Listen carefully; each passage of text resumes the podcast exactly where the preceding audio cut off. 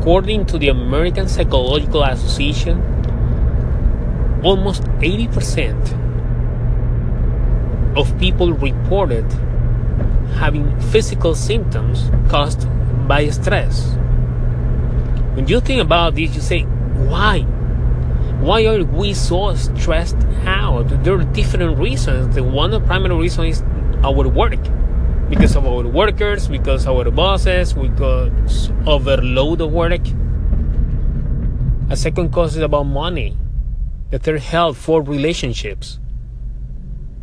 Those are the sources of stress over people. And stress can get you down, can kill you over time. But why? Why don't be happy?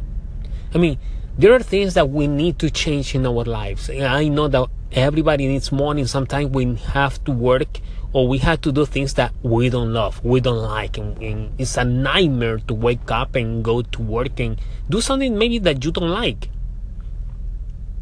But you have to be aware that you can make a difference if you take ownership of your own life. You can change your life. Why don't you be happy? Why don't explore life? Explore life.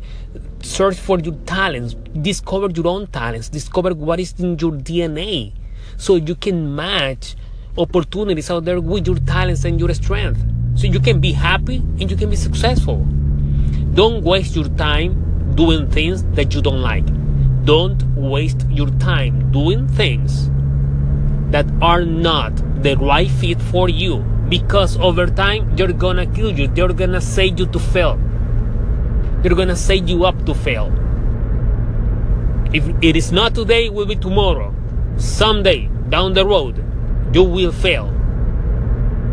Economically financially healthy psychological you're gonna fail. Okay? So let's take ownership of our own lives.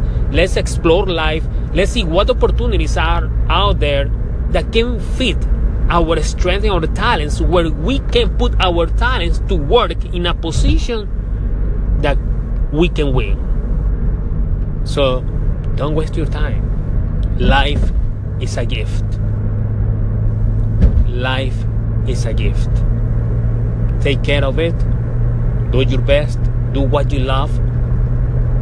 And be happy. Because life is a gift.